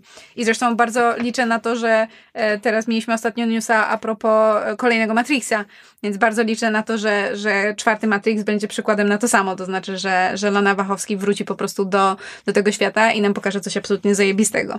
Liczę, że to będzie kasus po prostu Mad Max Fury Road. Biorąc pod uwagę, że to nie miało żadnego związku z wakacjami, jesteśmy już w sferze wolnej Amerykanki co do pytań? Mam wrażenie, że Trochę tak. tak. Okej, to czy w takim wypadku ja mam tylko jeszcze jedną dygresję wakacyjną, ponieważ mam taką książkę z dzieciństwa, która jest moją ulubioną książką o wakacjach. Nie, że czytałem ją na wakacjach, tylko nie pamiętam tytułu. I próbowałem go odnaleźć. Próbowałem, wiesz, w Google wpisywać skrawki tego, co pamiętam, ale to nie działa, bo algorytmy nie są na tyle mądre. Więc jeśli ktokolwiek ma pojęcie, jak nazywała się powieść młodzieżowa o grupce bohaterów, którzy chyba są na obozie harcerskim nad jakimś jeziorem i gdzieś tam jest e, zamek i w, w finale e, któryś z bohaterów musi przepłynąć zalanym tunelem, żeby wypłynąć oni są uwięzieni w tym zamku i on zalanym tunelem wypływa tak, że wypływa w, w końcu na jezioro. I to jest, to jest dramatyczny finał, czy on się utopi, czy, czy on będzie w stanie to zrobić. Gdzieś tam po drodze jeszcze pływają tratwą, a z charakterystycznych rzeczy, które kojarzę, to bodajże ich opiekun na tym obozie, gotując obiady, śpiewa o mój rozmarynie, rozwijaj się. Czekaj, bo To jest wszystko, co pamiętam o tej książce. Być może wcale nie jest dobra. Nie czytałem jej od dwudziestu paru lat, ale chciałbym wiedzieć, co to było. Bo- Uwielbiałem znaczy ją, inaczej, byłem mały. Ja nie mam pojęcia, o czym mówisz, ale. Good start. Jest taka książka. Ale którą- Woody Allen Nie, ale jest taka książka, którą moi rodzice ym, próbowali mi wcisnąć, jakby, bo było kilka takich tytułów z ich młodości, które oni próbowali mi wcisnąć. Niektóre się przyjęły, niektórym nie. E, na przykład nigdy nie przeczytałam Sage'a i jej Bobry, mimo wielki, wielkich próśb mojej mamy. Ale była taka książka, się nazywała Lato Duchów. Wakacje z duchami. Albo coś takiego. To nie, nie to. to nie to. Damn it! No Właśnie O, ktoś napisał, że tak, dziękuję Piotrze. Nie. że brzmi jak wakacje z duchami. Spokojnie, zupełnie nie to. A widzicie, no to we're all wrong, ale wszyscy mieliśmy ten sam pomysł. E, to skoro już jest wolna Amerykanka, em, może stadów się pyta, kiedy sesje RP, RPG prowadzone przez mysz, em, when you give us the monies. wow, No tak, to jest próg, to którego było jeszcze subtelne. nie odblokowaliśmy. To znaczy, e, słuchajcie, e, e, są rzeczy w przygotowaniu. W sensie oprócz e, kampanii, na którą e, zbieramy pieniądze na Patronite, a więc jeżeli chcecie nas wesprzeć, to to jest patronite.pl ukośnik sesję i możecie tam nam rzucić piątaka albo i więcej, będziemy bardzo wdzięczni. E, w tym momencie chyba zebraliśmy 60 parę procent kwoty, E, której nam, e, e, że tak powiem, potrzeba do rozpoczęcia kampanii prowadzonej przeze mnie. Natomiast to nie znaczy, że być może nie będzie innych rzeczy. We're working on things. Rzeczy się dzieją za kulisami. Mhm. Natomiast. Będziemy mieli więcej ogłoszeń w przyszłości. Tak się, tak się kręci hype, prawda? Tak. E, natomiast e, na, na wigilii e, podcasterów e, na czacie były żarty pod tytułem Kampania myszy w Dedeki 2020, czyli że w 2020. No i wychodzi na to, że żarty żartami, ale prawdopodobnie e, e, rzeczywiście tak będzie, że E, że jeżeli uda nam się z Waszą pomocą zebrać, zebrać pieniądze, to, to prawdopodobnie w przyszłym roku się, się rozpocznie kampania. Chyba, że uda Wam się e, zebrać, e, że tak powiem, uda nam się zebrać fundusze wcześniej, więc zachęcamy do wpłacania każdy, ka, autentycznie każdy piątek się liczy, bo jak 10 osób da piąteka, to już jest 5 dyszek. Więc zachęcamy, nie wiem, przyślijcie linka komuś ze znajomych, jeżeli też lubią RPG. Czy my już, jest, już jesteśmy w sekcji reklamowej rozumiem, w tym no, momencie. Wracając, wracając do komentarzy, Iwona Klich pisze, coś jest w tym upale i mordowaniu, bo zawsze w wakacje mam więcej incydentów i ja nie wiem, czy tak. Iwona pracuje w służbach ratunkowych, czy właśnie się do czegoś przyznała. Tak, ja na wszelki wypadek już zadzwoniłem na policję, ale e, to było co nieco niepokojące. Nie no, ale wiesz, może mogą być, mogą być służby ratownicze, służba zdrowia, kostnica. Tymczasem KWK e, pisze, mysza jest szalona, jak jest gorąco, to ani mi się śni uprawiać miłości, wszystko jest spocone i fu, ale zajebać kogoś to częściej mam ochotę przez rozdrażnienie. Więc e, tak. No tak, tak. E... Tak, Anita Lee się z tym zgodziła i napisała, że prawda tylko umierać albo zabić kogoś, kto przeszkadza w umieraniu. E, tak, to tak jak jeżeli ktoś e, ogląda e, Philosophy Tube, to w ostatnim filmie o Climate Grief był taki tekst właśnie, że globalne ocieplenie sprawia, że jest coraz goręcej i wszyscy jesteśmy horny, ale niestety jest już na tym etapie na tyle gorąco, że nikomu się nie chce, w związku z tym wszyscy wyginiemy. E, Iwona uściśliła też, to ja jestem policja, więc przynajmniej to się wyjaśniło. teraz Teraz ja zadzwoniłem e, i teraz e, Iwona będzie mnie ścigać, Ale albo jej pamiętajmy, my, my, wszyscy jesteśmy tu obeznani w kryminałach, to wciąż niczego nie wyklucza. Tak, dokładnie. To właśnie o tym mówię, że to jest to, że Iwona jest w policji, to tylko znaczy, że może zacierać ślady i jeśli ja nagle zniknę, to ja poproszę, żeby ktoś najpierw, e, najpierw sprawdził e, Iwonę, e, przyszedł do niej do domu i zobaczył, czy nie ma mnie w jej lodówce. E, tak, i żeby już zakończyć tryptych, Iwona sugeruje też, że może książka, o której mówię, jest czymś od pana samochodzika. Nie, czytałem pana samochodzika, wiem, że on miał harcerskich tych pomagierów, ale nie, to nie jest jedna z tych części. Bardzo mi się podoba, że ten odcinek zamienił się w autentyczny case. Halo policja, proszę przyjechać na YouTube'a. E, tak, no my zasadniczo planowaliśmy kończyć ten, e, ten stream o wpół do. E, do wpół do mamy 7 minut w tym momencie, jak to mówię. E, więc jeszcze możemy na jakieś pytania odpowiedzieć prawdopodobnie. KWRP już drugi raz chyba pyta, czy obejrzycie ekranizację 365 dni i dlaczego Krzysztof nie chce się przyznać, że to zrobi. Słuchajcie, Czym ja jest 365 dni? 365 dni to jest jakieś polskie książka, softcore porno, albo może nawet hardcore porno, o czym wiem tylko dlatego, że słucham czytu czytu i tam była o tym mowa. E, więc nie i nie i nie, nie przyznaję się do niczego, no bo wisi mi ta książka. Okej, okay, to, już, to już może podpadać pod groźbę karalną. Oho, za chwilę, e, z, z, za chwilę będziemy mieli problemy techniczne. Nie, nie, nie, nie. Mm.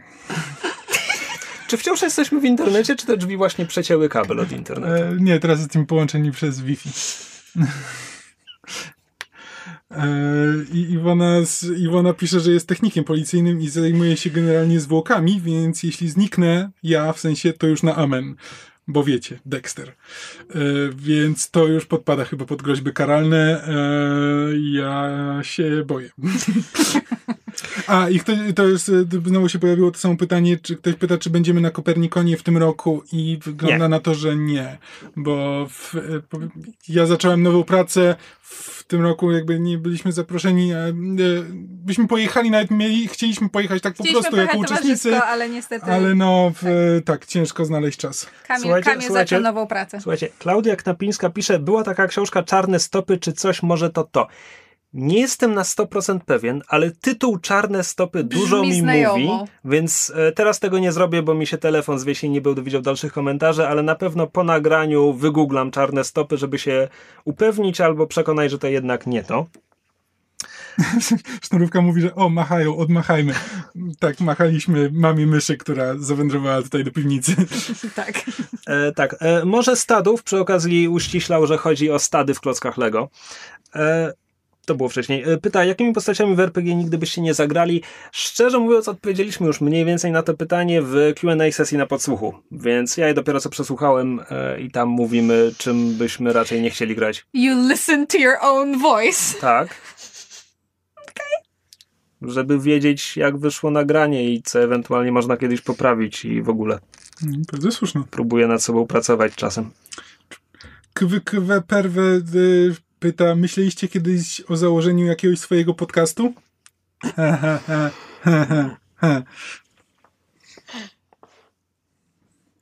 Eee, Iwona, słuchajcie, dalej się na czacie tłumaczy. Ale wiecie, jak ktoś inny was zniknie, to ja na pewno z chęcią i charyty, charytatywnie będę was poszukiwać, bo ktoś musi nagrywać te podcasty i sesje RPG. No bardzo dziękujemy. no spoko, no wiesz co. Przynajmniej jest szczera, nawet wiesz, jeśli ktoś ma mnie ratować z czysto utylitarnych powodów, to lepsze to niż gdyby miał mnie nie ratować, więc spoko. Klaudia Knapińska pyta, czy będziemy na Międzynarodowym Festiwalu Gier, Gier i Komiksu.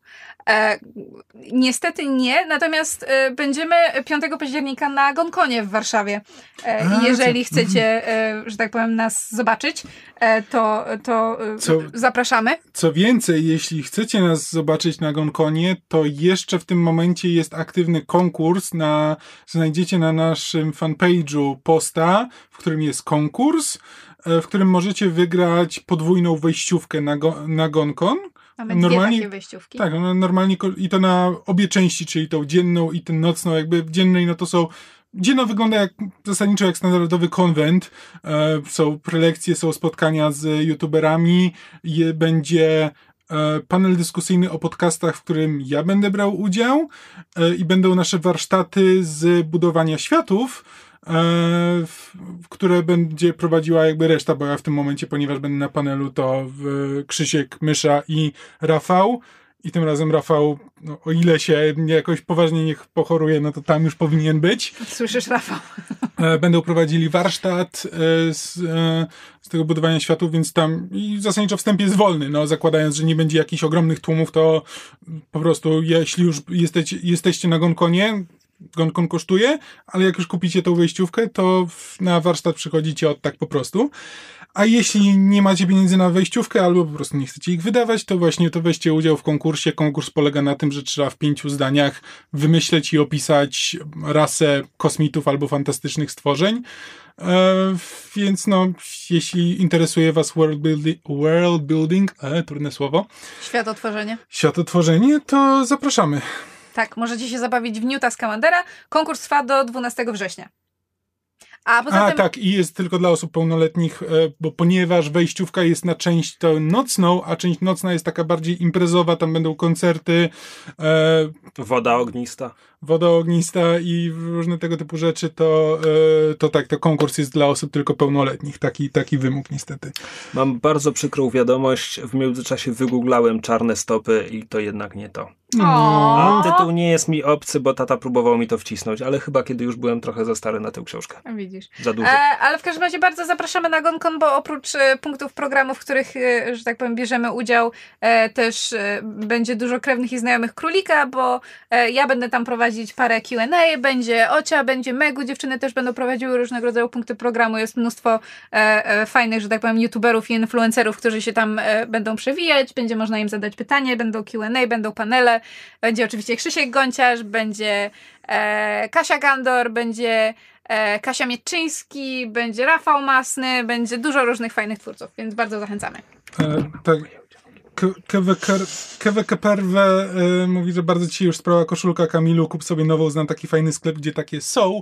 No więc Lies! Nie, nie znasz takiego sklepu, bo niestety nasz y, Lying. Gindi, Gindi się ogólnie jakby wycofało ze sprzedawania jakby tego typu tam gadżetów, koszulek i tak dalej w, w większości wypadków, więc e, my jesteśmy w trakcie, znaczy musimy znaleźć jakiś sklep, ale ja nie wiem od której strony tego, to ugryźć. Jeśli ktoś ma jakiś, e, jeśli ktoś wie o Jeśli ktoś chce sprzedawać nasze koszulki, niech się do nas zgłosi. Nie, ale po prostu nawet jeśli wie, jakby z, jest w stanie polecić, bo tego typu rzeczy, które sprzedają e, koszulki, że po prostu można zrobić swój em, wzór i sprzedawać koszulki jest pełno, tylko że wśród nich jest na przykład kapsel, w który, na którym w życiu nie będę nic, nic robił, bo kapsel to jest nieważne. E, nie lubimy, nie lubimy prezesa. E, więc no jeśli ktoś, e, ja chętnie przyjmę jakieś propozycje, od czego bym mógł zacząć, bo tego jest po prostu za dużo. Tak, więc jeżeli macie dla nas jakieś podpowiedzi, to piszcie nam maile albo wysyłajcie wiadomości na Facebooku, na fanpage podsłuchane.pl. Maile wszystkie znajdziecie na stronie. W ogóle wszystkie dane kontaktowe. Wszystkich nas możecie śledzić we wszystkich social media. Krzyś nawet jest na Twitterze i na Instagramie. No tak. The Horror. Wszyscy jesteśmy na Twitterze. No, ja nawet jestem tam bardzo aktywna ostatnio. Ja wrzucam na Instagrama zdjęcia zwierząt, jeśli ktoś jest bardzo ciekaw. Tak, z Krzysztofem wśród zwierząt. Ja wrzucam na Twittera Ad Kamborek, czemu nie? E, wrzucam najgłupsze, najgłupsze żarty, jakie jestem w stanie znaleźć albo wymyślić i, e, I jeden z nich nawet ostatnio się stał się mini wiralem, nie? e, i największą, największą lewacką propagandę, jaką jestem w stanie znaleźć albo wymyślić, więc e, zapraszam. Tak. E, Dobrze, jeżeli nie ma już e, żadnych kolejnych pytań od czatu, to myślę, że powoli będziemy zmierzać ku końcowi. Zakończymy ten jakże sympatyczny e, odcinek live Myszmasza. Tak, dajcie znać, jak wam się to podobało, bo może, kto wie, spróbujemy te, zorganizować tego typu rzeczy częściej. Może do tego czasu już dowiem się, czym jest tip and donation, bo Jezus Maria, jestem starym człowiekiem i nie nadążam za światem. E, I e, spróbujemy może częściej opowiadać. Może spróbujemy przy jakiejś większej recenzji na przykład, żeby zobaczyć, co by było, gdybyśmy e, z ludźmi o tym rozmawiali, a może nie. Może nie chcemy wiedzieć, co ludzie myślą. Tak, nagrywamy podcasty od tylu lat, że jesteśmy przyzwyczajeni do tego, że nikt do nas nic nie mówi i możemy rozmawiać między sobą. W związku z tym zrozumcie, że dla nas YouTube jest nieco awkward. E, tak, tak. A w, o, ogarnianie technologii jest, e, jest skomplikowane, ale, e, ale chętnie w, będziemy, będziemy próbowali częściej tego typu rzeczy robić. A to Jest jak jeszcze- często to się jeszcze okaże? Przepraszam, jest jeszcze pytanie na czacie. Ciasteczko imbirowe pyta, wait, już tak szybko? E, tak. Jest, Prawda jest taka, że jest poniedziałek wieczór, właśnie zaczął się nowy tydzień pracy, Kamil właśnie zaczął etat, także Tak, No. więc e, tak, ja jestem. Cieszcie się, że tutaj nie siedzicie, że przez internet nie da się zapachu e, przekazywać. E, ja się czuję strasznie no dobrze. Zlany. Dobrze, okej. Ja nie wiem, o czym oni mówią, wszystko jest w porządku. U, e, Perwe pyta, Discorda też nie macie starzy ludzie? Mamy, dis- znaczy nie mamy Discorda, jest Discord podsłuchane, na który ja czasami staram się wchodzić, ale też ponieważ jestem starym człowiekiem, to zapominam, ponieważ Discord nie jest częścią E, mojej rutyny. Rafała jest tam duża, przynajmniej kiedyś było. Słuchajcie, e, w czacie prawdopodobnie jest ktoś, kto jest na Discordzie. Wrzućcie linka w czata, żeby inni ludzie widzieli, bo my w tym momencie nie jesteśmy w stanie, co? Tak, na tym Discordzie są bardzo fajni ludzie, jakby y, to jestem w stanie potwierdzić i e, zaręczyć, e, ale ja po prostu zapominam, że żeby Discord wchodzić na istnieje, Discord, tak, że tak. Discord istnieje. No bo to jest, to jest kolejna platforma, na którą trzeba pamiętać, żeby wchodzić i ja już po prostu mam ich za dużo, ja już nie ogarniam. Snapchata w ogóle postanowiłam nie zakładać, stwierdziłam, że nie jestem w stanie. TikToka też nie, bo why? Znaczy lubię oglądać TikToki, ale nie jestem... Co? Czy, czy, czy TikTok to taki nowy Vine? Tak. Znaczy, tak. nie mów tego głośno, bo ludzie tego nie cierpią i mówią, że TikTok jest 100 razy gorszy. But TikTok is basically Vine, get over yourself. E, Joanna jeszcze na czacie pyta, moment, kiedy nowe sesje. Nowe sesje wychodzą w, w ten piątek, 6 września o 19.20? E, pa, pa, pa, pa, pa. 19? Bo są, odcinek ma trzy godziny, więc tak, żeby było wcześniej. Albo 19, albo 20, prawdopodobnie... Jeszcze będziemy ogłaszać. tak. Ale w ten piątek, 6 września, bo e, ostatnim razem e, podczas premiery nas nie było na czacie, więc teraz chcieliśmy ustawić rzeczy tak, żeby część Tak, z nas była na czacie. Ja nie wiem, czy myśmy to w końcu ogłosili, bo robiliśmy ankietę, z, kiedy, w jakie dni tygodnia ma się ukazywać Ghostpunk. Wyszło nam z ankiety, że ma to być sobota, ale ponieważ w sobotę nie możemy, to zrobimy w piątek. Pójdziemy na koncert Hoziera w Palladium Bitches! Sorry. Tak. E, więc w piątek, w piątek będzie nowy odcinek. No to będzie, to będzie, to będzie początek nowego skoku, prawda? Tak, to jest e, początek. Mogę, mogę od razu zdradzić, uchylić szrałbka kurtyny i tak dalej, że to jest e, dwuaktówka. To znaczy, to jest początek, a potem w następnym odcinku w październiku będzie zakończenie Tak, tego wątku. w październiku to jest ten odcinek, o którym pisaliśmy na fanpage'u, e, w którym jesteśmy zdziwieni, jak bardzo nam się podobał i e, być może jest to jedna z lepszych rzeczy, jakie nagraliśmy, no ale to już się przekonacie. Ale, Ale to jest ale z kolei to, co będzie w październiku, nie będzie Nie miało będzie sensu, sensu. jeśli nie obejrzycie tego, co będzie teraz we wrześniu. e, tak. O matko, teraz ludzie się uaktywnili z pytaniami, jak jest w pół do, bo może Stadów pyta, skąd pomysł na Angel Kamilu. Pomysł na Angel jest zasadniczo taki szybciutko, że e, po pierwsze to w- postanowiłem grać e, Ichtenem slash Ichtenką, bo, w- bo jeszcze bo żadna z postaci graczy nie była tą rasą, więc e, okej, więc to był pierwszy pomysł, że chciałbym Ichtenką. Drugie to, że chciałbym e, Szeptuchą, bo też nie było jeszcze e, wśród graczy kogoś, kto by się zadawał z duchami. E, a po trzecie to w- zasadniczo w- stwierdziłem, że chyba nigdy albo bardzo rzadko mam okazję grać e, kobietami, a potem jak zacząłem się nad tym zastanawiać, to właściwie mi wyszło, że tam z historii postaci i tego typu rzeczy, że to powinna być postać e, niebinarna. E, I i tak się tam porobiło. Ale no, nie będę, nie będę wchodził w szczegóły, bo to nie jest, bo to nie jest podcast o sesjach na podsłuchu, ale jeśli nie słuchacie sesji na podsłuchu, to powinniście zacząć, bo są fajne.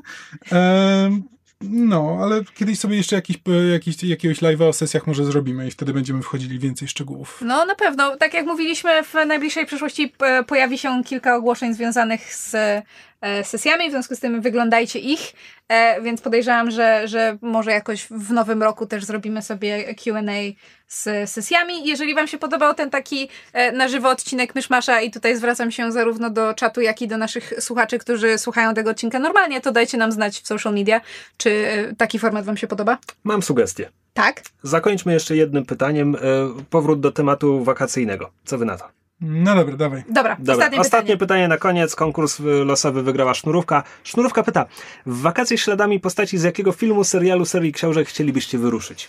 O oh, crap. Um, Ale w sensie ta postać musiała wyruszyć na wakacje i my teraz musimy jej śladami, czy... ym, Nie, zakładam, że ta postać była gdziekolwiek, a my chcemy tam na wakacje. E, Nie będę oryginalny, bo to jest prawdopodobnie e, bardzo popularna odpowiedź, ale, w- ale ja nie jestem szczególnie oryginalnym człowiekiem. e, Amerykańscy bogowie.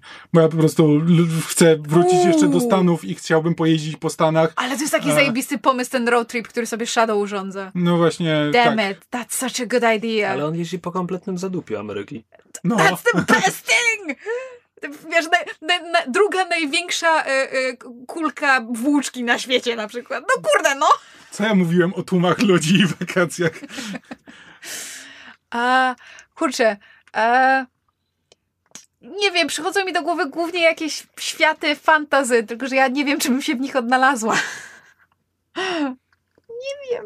Ja mam bardzo prostą odpowiedź. E, wakacje śladami Jamesa Bonda, bo był prawie wszędzie, bardzo często w bardzo ładnych miejscach. Uu, no, to jest dobry pomysł. Dobra. A y, jeśli to ma być konkretnie pytanie o wakacje fikcyjnej postaci, spokojnie, na wakacje też lata. A potem ktoś tam ginie. Albo ktoś leci na Jamajkę, żeby go ściągnąć z powrotem do czynnej służby. E, to ja w takim razie może powiem, e, to ja bym chciała podążyć śladami bohaterów em, trylogii Jacqueline Carey, dlatego że ona stworzyła świat, który jest oparty na jakby na geografii i, i logistyce Europy, w związku z tym, tylko że z elementami fantasy, w związku z tym mogłabym odwiedzić em, prawie prawie że nasze, ale nie do końca kraje z różnymi fajnymi elementami i tam są bardzo ładne miejsca i opisy. No to jest tak jak ludzie jeżdżą po miejscach, w których kręcono grę Władzy- o tron. Albo Władze Pierścieni. Tak. No. U, albo do Wiedźminlandu. Wakacje w Wiedźminlandzie. Czyli w sumie musiałabym w tym momencie pojechać do Bułgarii, bo w Bułgarii głównie kręcili Wiedźmina, prawda? No jak to? Marlborg. Zabiorę cię na Mazury, będziesz miała Wiedźminland, jak się patrzy. To była groźba, proszę mnie uratować. Nie chcę na Mazury. Dobrze, słuchajcie, e, zanim to się zamieni e, w jakąś e, już totalny train wreck, jak to mówią po angielsku, zakończmy ten sympatyczny odcinek. Dziękujemy Wam bardzo za uwagę e, ludziom na czacie i, i, i tym, którzy nas oglądali na YouTubie. Dziękujemy bardzo słuchaczom, którzy nas słuchali w formie audio, tak jak się klasycznie podcastów słucha. Jak zwykle możecie do nas... Ale wtedy byście przegapili te piękne ruchy rąk, które mysz wykonuje. Tak, ale ja teraz... Jeśli ktoś jest ciekawy, to nie, Nie było... To nie było zagranie pod publiczkę. Kiedy nagrywamy odcinek bez wideo, ona robi dokładnie to samo. Też prawda. Ja po prostu tak mam. Aktorstwo. Rozminęłam się z powołaniem. Powinna była grać Szekspira. A już nigdy nie zagram na skrzypcach. Szekspira nie zagrasz na To skrzypcach. był cytat ze Szreka, nieważne. E, Jeżeli e, macie do nas jakieś e, komentarze, pytania, sugestie, jeżeli chcecie nam napisać coś bardzo miłego, to jak zwykle możecie do nas pisać na wszystkie adresy, które są dostępne na stronie podsłuchane.pl, głównie kontakt małpa podsłuchane.pl. Możecie nas znaleźć na e, fanpage'u e, naszym na Facebooku podsłuchane.pl, na wszelkiego rodzaju social media. My wszyscy mamy, e, możecie nas tam napastować, byleby delikatnie, bo jesteśmy wrażliwi. Bardzo zachęcamy jeszcze raz do wpłacenia, że tak powiem, jakiejś kwoty i zostania naszymi patronami na patronite.pl ukośnik sesję, jeżeli lubicie sesję, a jeżeli nie lubicie sesji, to zachęcamy do oglądania i na pewno je polubicie. Taka promocja. Oglądajcie tak długo, aż je polubicie. O, Tak. To jest rozwiązanie. Dokładnie. E, I dzięki Wam za uwagę. E, e, czekamy na, na kontakt od Was i do usłyszenia w następnym odcinku. Cześć! Na Cześć. razie.